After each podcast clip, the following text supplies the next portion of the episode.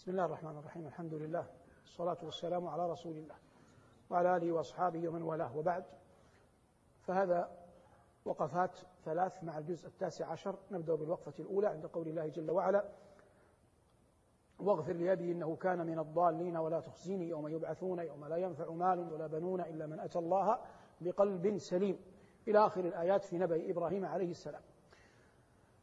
بدأنا بهذه الآية عمدا لأن القرآن يجب وهو كذلك يصدق بعضه بعضا.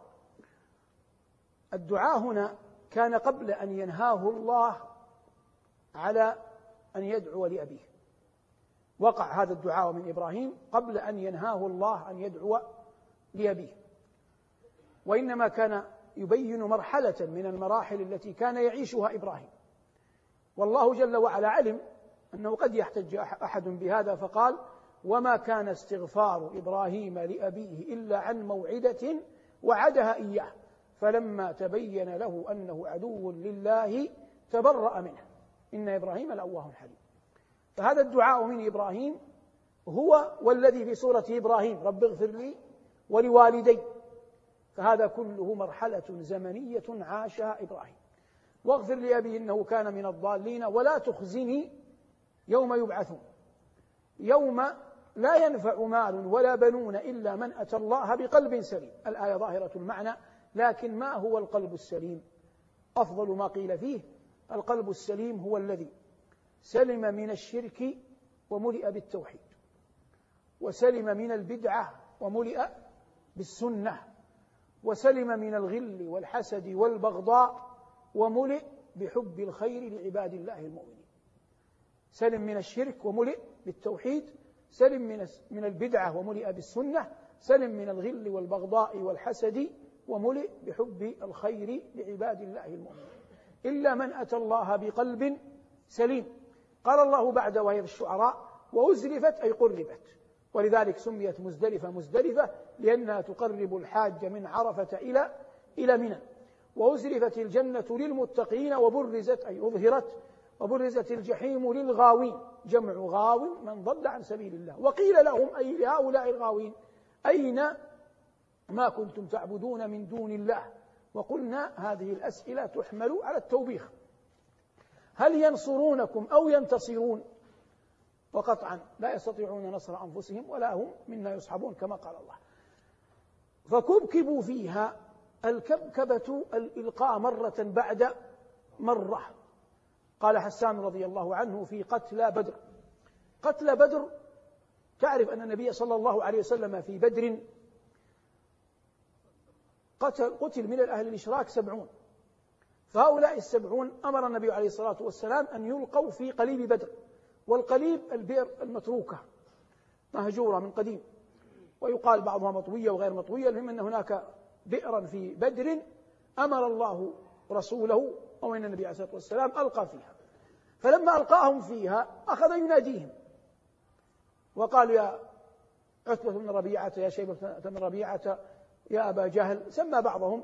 هل وجدتم ما وعد ربكم حقا؟ فإني قد وجدت ما وعدني ربي حقا. فقال له عمر يا رسول الله أتخاطب أقواما قد جيفوا قال والله ما أنت بأسمع لما أقول منهم ولكنهم لا يملكون جوابا. قال حسان في هذا أبيات طرحناهم كباكب في القليب يناديهم رسول الله لما طرحناهم كباكب في الغليب في القليب ألم تجدوا كلامي كان صدقا وأمر الله يأخذ بالقلوب؟ فما نطقوا ولو نطقوا لقالوا أصبت وكنت ذا رأي مصيب. والقائل من؟ حسان. وحسان أوسي أو خزرجي خزرجي رضي الله عنه وأرضاه. عاش ستين سنة في الجاهلية وستين سنة في الإسلام. وكان في الجاهلية يقدم على المناذرة والغساسنة ملوك الشام ويمدحهم وهو القائل لما دخل على ملوكهم لله در يتذكر لله در عصابة نادمتهم يوما بجلق في الزمان الأول أولاد جفنة حول قبر أبيهم قبر ابن مارية الكريم المفضل يغشون حتى ما تهر كلابهم لا يسألون عن السواد المقبل. بيض الوجوه كريمة أحسابهم شم الأنوف. من الطراز الأول يسقون من ورد البريص عليهم بردا يصفق بالرحيق السلسل. هذا الصحابي الجليل عمر. فلما جاء الإسلام ودخل النبي صلى الله عليه وسلم المدينة كان عمره ستين عاما فأسلم. فما منع الله عليه بالشعر الذي كان يتخذه مع الملوك مدح به من؟ مدح به النبي صلى الله عليه وسلم.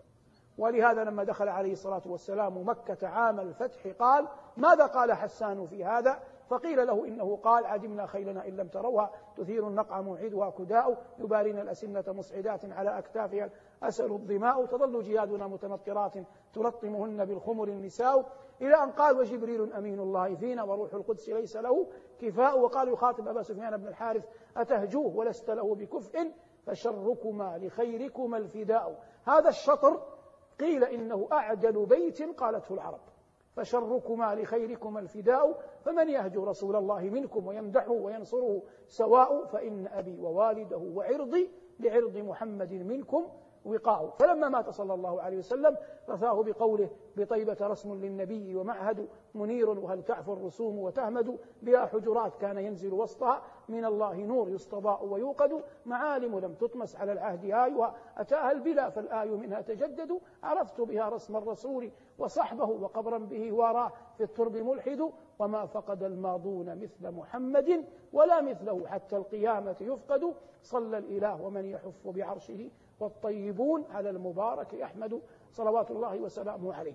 قال الله هنا فكبكبوا فيها هم والغاوون وجنود إبليس أجمعون. قالوا أي أهل النار وهم فيها أي في النار يختصمون.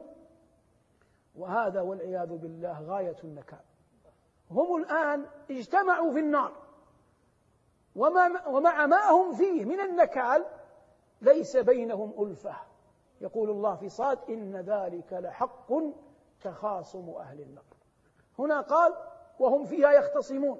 قالوا تالله هؤلاء الضعفاء يقولون يقسمون بالله قالوا تالله إن كنا لفي ضلال مبين. متى؟ إذ نسويكم برب العالمين. يقولون لما كانوا يعبدون من دون الله وما أضلنا إلا المجرمون.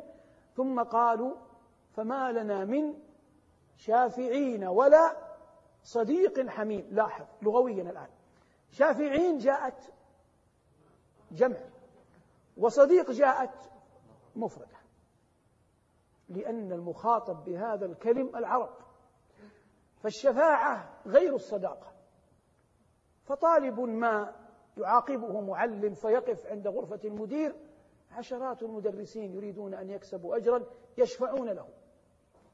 رجل تتعطل سيارته في طريقه كثير من الناس يشفعون له ويعينونه ويعينونه حتى يمضي.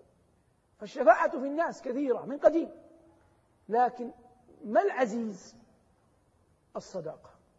بل كانت العرب لا تؤمن أن هناك صديقا يمكن أن يكون وفيا.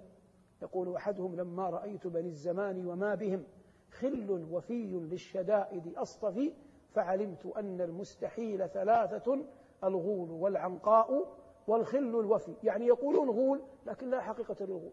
ويقولون عنقاء طائر كبير يصنع ويفعل لكن لا حقيقة له. ويقولون صديق وفي لكن حسب قول الشاعر لا حقيقة له مع أن الأخيار في الدنيا كثير. لكن عاملهم الله لغة ولفظا بما نشأوا عليه. فما لنا من شافعين ولا صديق حميم. وهذا ديدن القرآن. حتى لما ذكر الله في سورة النور قال أو صديقكم معا كل ما قبلها جمع. وأفرد وأفرد ماذا؟ وأفرد الصديق. هذه الوقفة الأولى من الجزء التاسع عشر والعلم عند الله. ونأخذ إن شاء الله تعالى في الوقفة الثانية خبر نبي الله سليمان الذي كنا قد أرجعنا الحديث عنه في الجزء السابع عشر. تعالوا ساعة نؤمن جميعا. مع القرآن. مع القرآن. هذه الوقفة الثانية من الجزء التاسع عشر. وهي الوقفة الثالثة ستكون تبعا لها. قال الله جل وعلا وحشر لسليمان جنوده من الجن والإنس والطير فهم يوزعون سليمان عليه السلام آتاه الله ملكا عظيما على دعوة دعاها. هذه الدعوة ظهر فيها فقهه. قال رب اغفر لي حتى لا يكون علوه في الدنيا على حسب علوه في في آخرته وهب لي ملكا لا ينبغي لأحد من بعدي إنك أنت الوهاب. هنا قال الله حشر لسليمان جنوده. اللام حرف جر وسليمان اسم مجرور. لكنها جاءت بالفتحة لأن سليمان اسم ممنوع من الصرف مختوم بالألف والنون. ويمكن أن يقال لأنه اسم غير عربي لكن مفردته عربية. ذكر الله الجن والإنس والطير رتبهم حسب القوة. ثم قال بعدها بآيات وتفقد الطير من تولى ملكا يأخذه بحقه. ومن دخل في أي أمر يأخذه بحقه. فتفقد الطير أي موقع الطير من جنده. فوجد الهدهد غائبا. فقال ما لي لا أرى الهدهد أم كان من الغائبين. أم بمعنى بل. بل كان من الغائبين. لو عذبنه عذابا شديدا حتى يتعظ به غيره. وإلا لو عفى عنه لجاء غدا وليس في الجيش أحد. لو عذبنه عذابا شديدا أو لأذبحنه. قيل له يا نبي الله أي عذاب يساوي الذبح قال أجعله مع قوم لا يعرفون له قدرا. ولهذا الشافعي كان يقول أنثر دري بين سارحة الغنم.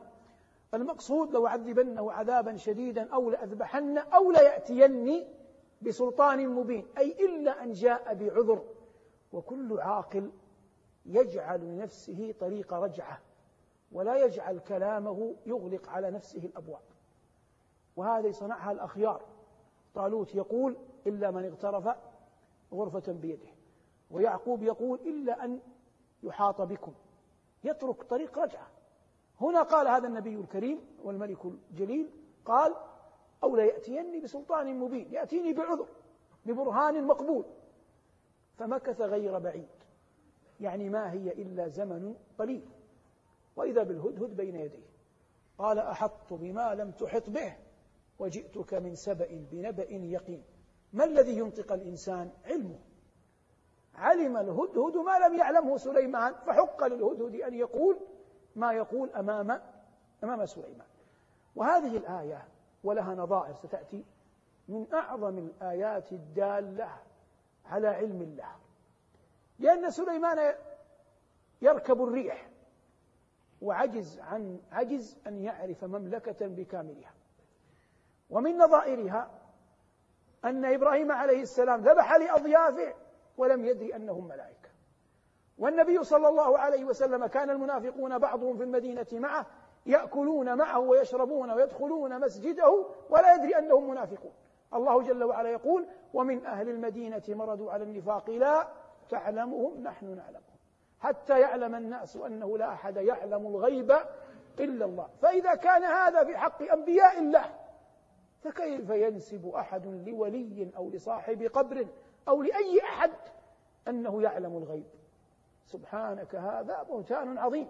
قل لا يعلم الغيب قل لا يعلم من في السماوات والأرض الغيب إلا إلا الله وما يشعرون إلا أيان يبعثون.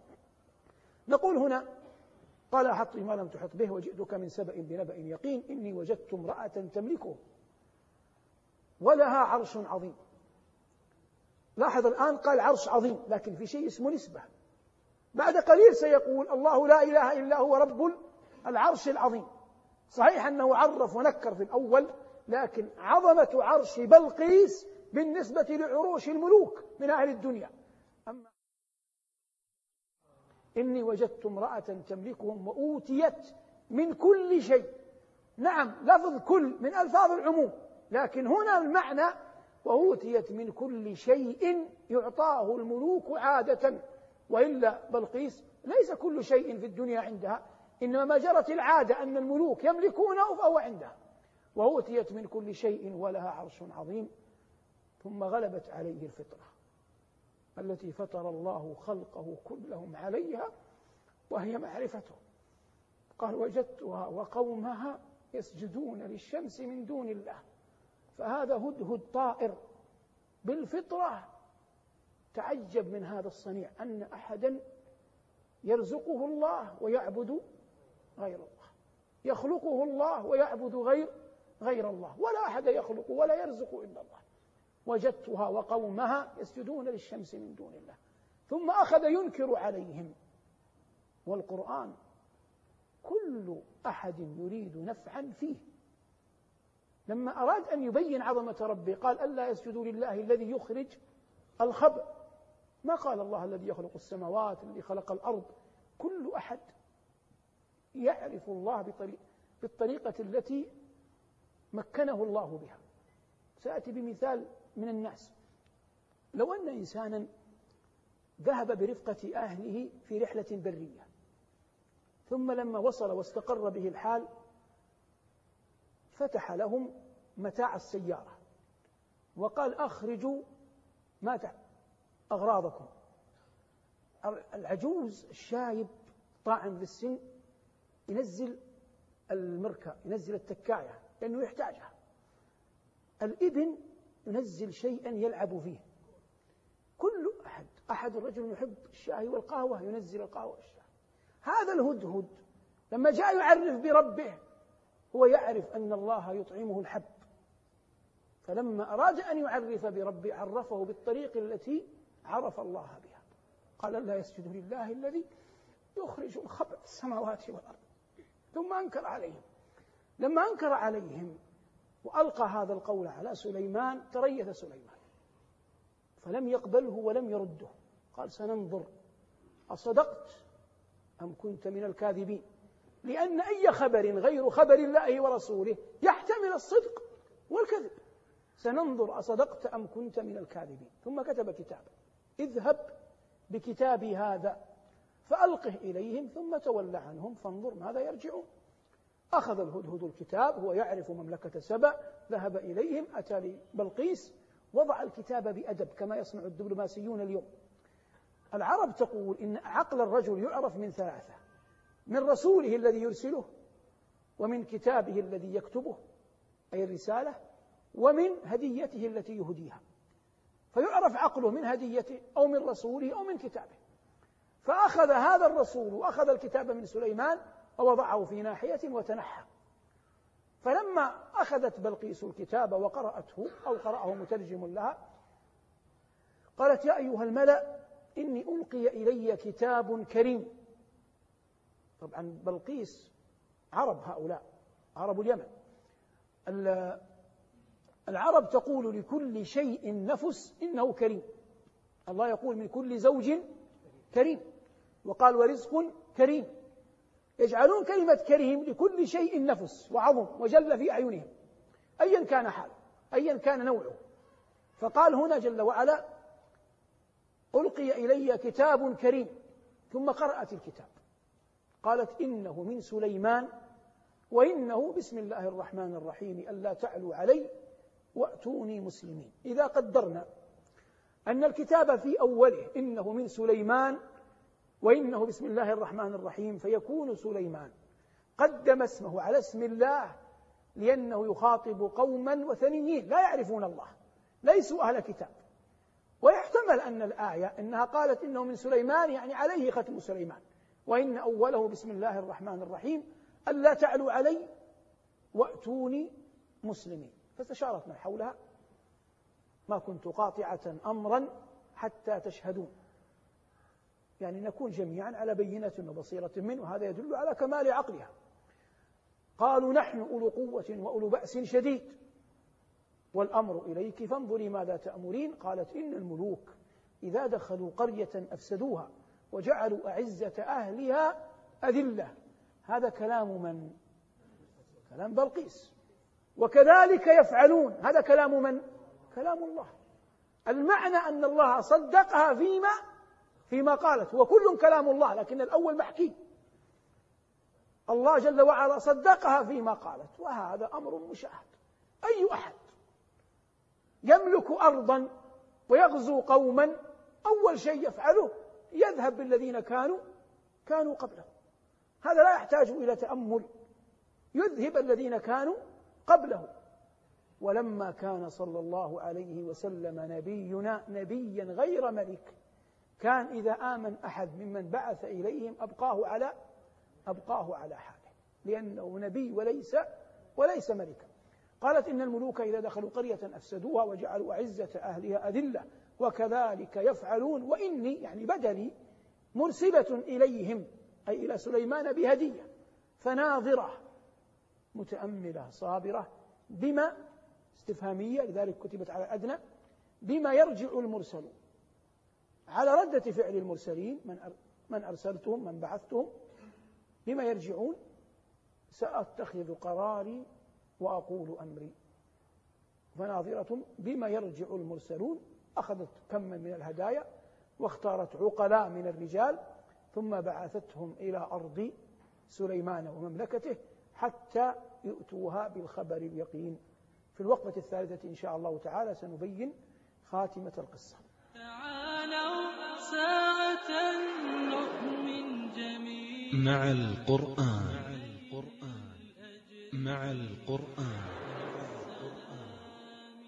هذه الوقفة الثالثة وقد خصصناها تكملة للثانية وهي عن خبر سليمان. قال ربنا فلما جاء سليمان والمعنى جاء الوفد إلى من؟ إلى سليمان. فلما جاء سليمان قال أتمدونني بمال؟ فما أتاني الله خيرا مما أتاكم. خيرا في الدين وخيرا في الدنيا.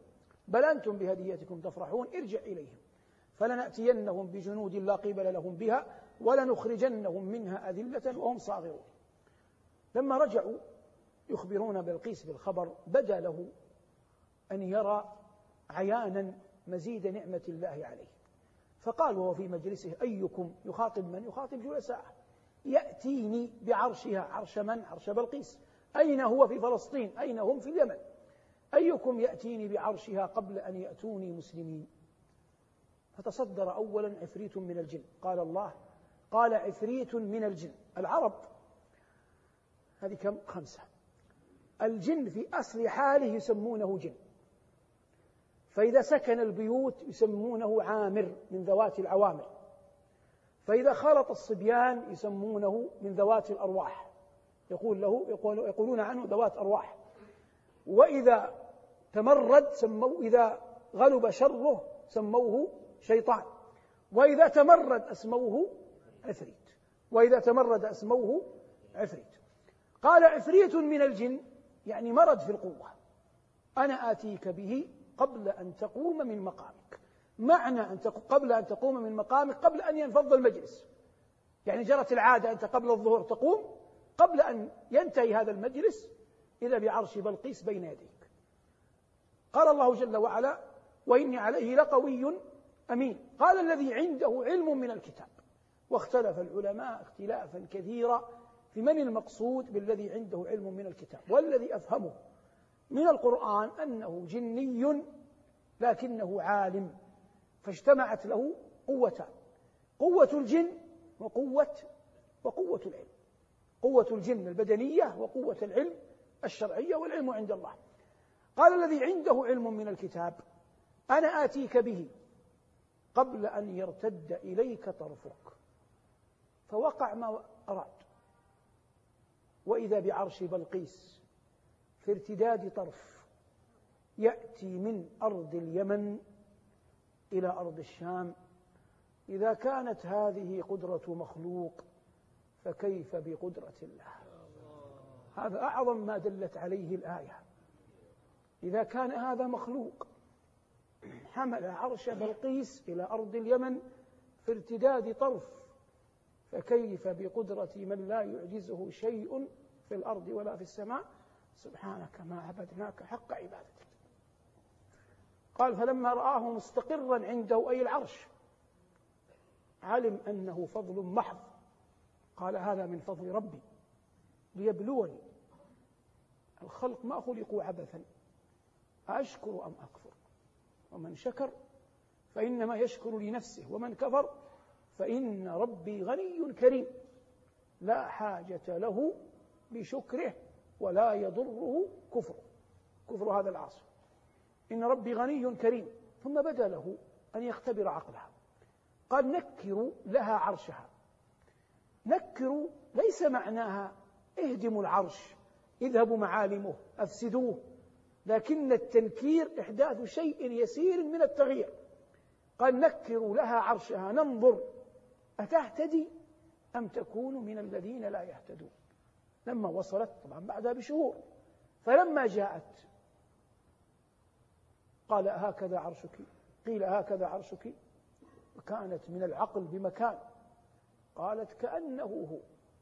وهذا دهاء منزلة في العقل عالية لأن الإنسان يبهت في مكان مثل هذا. فلو قالت نعم لقال كيف تتركينه وراءك وترينه أمامك؟ ولو قالت ليس هو لقال لها كيف لا تعرفين عرشك وأنت كل يوم تجلسين عليه؟ لكنها قالت كأنه هو فتنصلت من إجابته فغبطها نبي الله وعلم أنها عاملة. قال الله جل وعلا وأوتينا العلم من من قبلها وصدها ما كانت تعبد من دون الله وكنا مسلمين وصدها ما كانت تعبد من دون الله إنها كانت من قوم كافرين. الآن انتقل سليمان من حال إثبات الملك إلى حال الدعوة. لأنه أصلا نبي قبل أن يكون ملكا. من هي المرأة؟ ملكة بنت ملوك بنت أقيال اليمن. عندما تدعو ملك تدعو أمير تدعو ثري ليس كما تدعو غيره من الناس. كل أحد له مفتاح إلى قلبه فلما أراد أن يصل الإسلام إلى قلبها أجلها. فأمر من يخدمه من الجن أن يبنوا له صرح. ممرد من قوارير. كل ما فيه زجاج. لا تظهر معالمه ونصبه في البحر. على على الشاطئ. ثم أخذها وهي من شدة أن الصرح ممرد من قوارير لا ترى إلا البحر. ودعاها فلنقل لوليمة فلنقل لإكرام. المهم أن يدخل الصرح. فهي لا ترى إلا بحرا. فكشفت عن ساقيها لتتقي الماء. قال لها إنه صرح ممرد من قوارير. هي ملكة وتعرف أن الملوك مهما بلغوا لا يمكن أن يبنوا صرحا مثل هذا إلا أن يكونوا مؤيدون من عند الله. مؤيدين من عند الله. فعرفت الله بالطريقة التي أراد بها سليمان أن تعرف هذه الملكة أنه مؤيد من عند الله. قال إنه صرح ممرد من قوارير. قالت رب إني ظلمت نفسي وأسلمت مع سليمان لله رب العالمين. الآن انظر هداية الله ورحمته. ما الذي أخرجها من أرض اليمن؟ أن تحافظ على ملكها. فردها الله مسلمة. كمن يأتي إلى أي بلاد مسلمة من أجل لقمة عيش. أحد الناس نصراني مجوسي وثني في بلاده يتضاغون أمامه. يقول يقولون إن في جزيرة العرب بلاد اسمها السعودية وفيها بترول والناس أثرياء. فيمكث دهرا يبحث عن طريقة يدخلها فيدخلها. رجاء أن يطعم أولاده.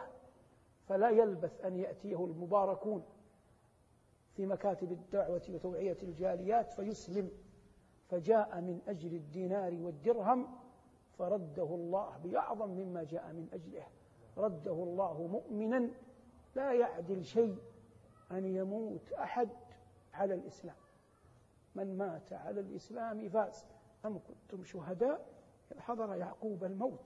إذ قال لبنيه ما تعبدون من بعدي؟ قالوا نعبد إلهك وإله آبائك إبراهيم وإسحاق ويعقوب. وإبراهيم وإسماعيل وإسحاق إلها واحدا ونحن له مسلمون. كل هذه الآيات التي مرت في نبأ سليمان لا ينبغي أن تقرأ قراءة تاريخية محضة لكن تقرأ قراءة تاريخية تسوق إلى معرفة الله. ومن أراد أن يفسر القرآن يظهر للناس بلاغته وفصاحته وعلو كعبه في أي فن فما عرف لماذا أنزل القرآن؟ لكن يؤتى بها استئناسا للناس. ويبقى الغاية الكبرى من نزول القرآن إنذار الناس وإحياء قلوبهم. وكذلك أنزلنا إليك روحا من أمرنا ما كنت تدري ما الكتاب ولا الإيمان ولكن جعلناه نورا. نهدي به من نشاء من عبادنا وإنك لتهدي إلى صراط مستقيم. هذه هي الغاية الكبرى من إنزال القرآن ومما من أجله أمر الله جل وعلا بإنزال الكتب وإرسال الرسول. يتحرر من من خبر سليمان كله أن الله جل وعلا آتى هذا العبد الصالح والنبي الكريم ما لم يؤتي أحدا من العالمين من الملك. ونبينا صلى الله عليه وسلم عرض له الشيطان والشيطان بيده جذوة من النار فاستعاذ منه وقال أعوذ بالله منك. ثم قال عليه الصلاة والسلام والله لقد هممت أن أربطه في سارية من المسجد. فيلعب به صبيان أهل المدينة لولا أني ذكرت دعوة أخي سليمان. قال رب اغفر لي وهب لي ملكا لا ينبغي لأحد من بعدي إنك أنت الوهاب. وقد سخر الله له في غير ما ذكرناه. سخر له الله الريح وعلمه الله جل وعلا منطق الطير وأتاه الله جل وعلا كما بينا من الملك والعظمة والجلالة في, في الناس. ما لم يؤتي أحدا من العالمين وهذا فضل الله. والله يقدم من يشاء بفضله ويؤخر من يشاء بعدله. ولا يسأله مخلوق عن علة فعله كما لا يعترض عليه ذو عقل بعقله. هذه خاتمة الوقفات مع الجزء التاسع عشر من كلام رب العالمين ونلتقي إن شاء الله في الوقفة الأولى من الجزء العشرين. نسأل الله أن يبارك لنا ولكم في أوقاتكم. صلى الله على محمد وآله والحمد لله رب العالمين. مع القرآن نحيا في سلام فخير الوقت في خير الكلام. بتفسير وأخبار حسان عن المختار نبراس الظلام. مع القرآن إحساس تسامت به الأرواح. في أعلى مقام.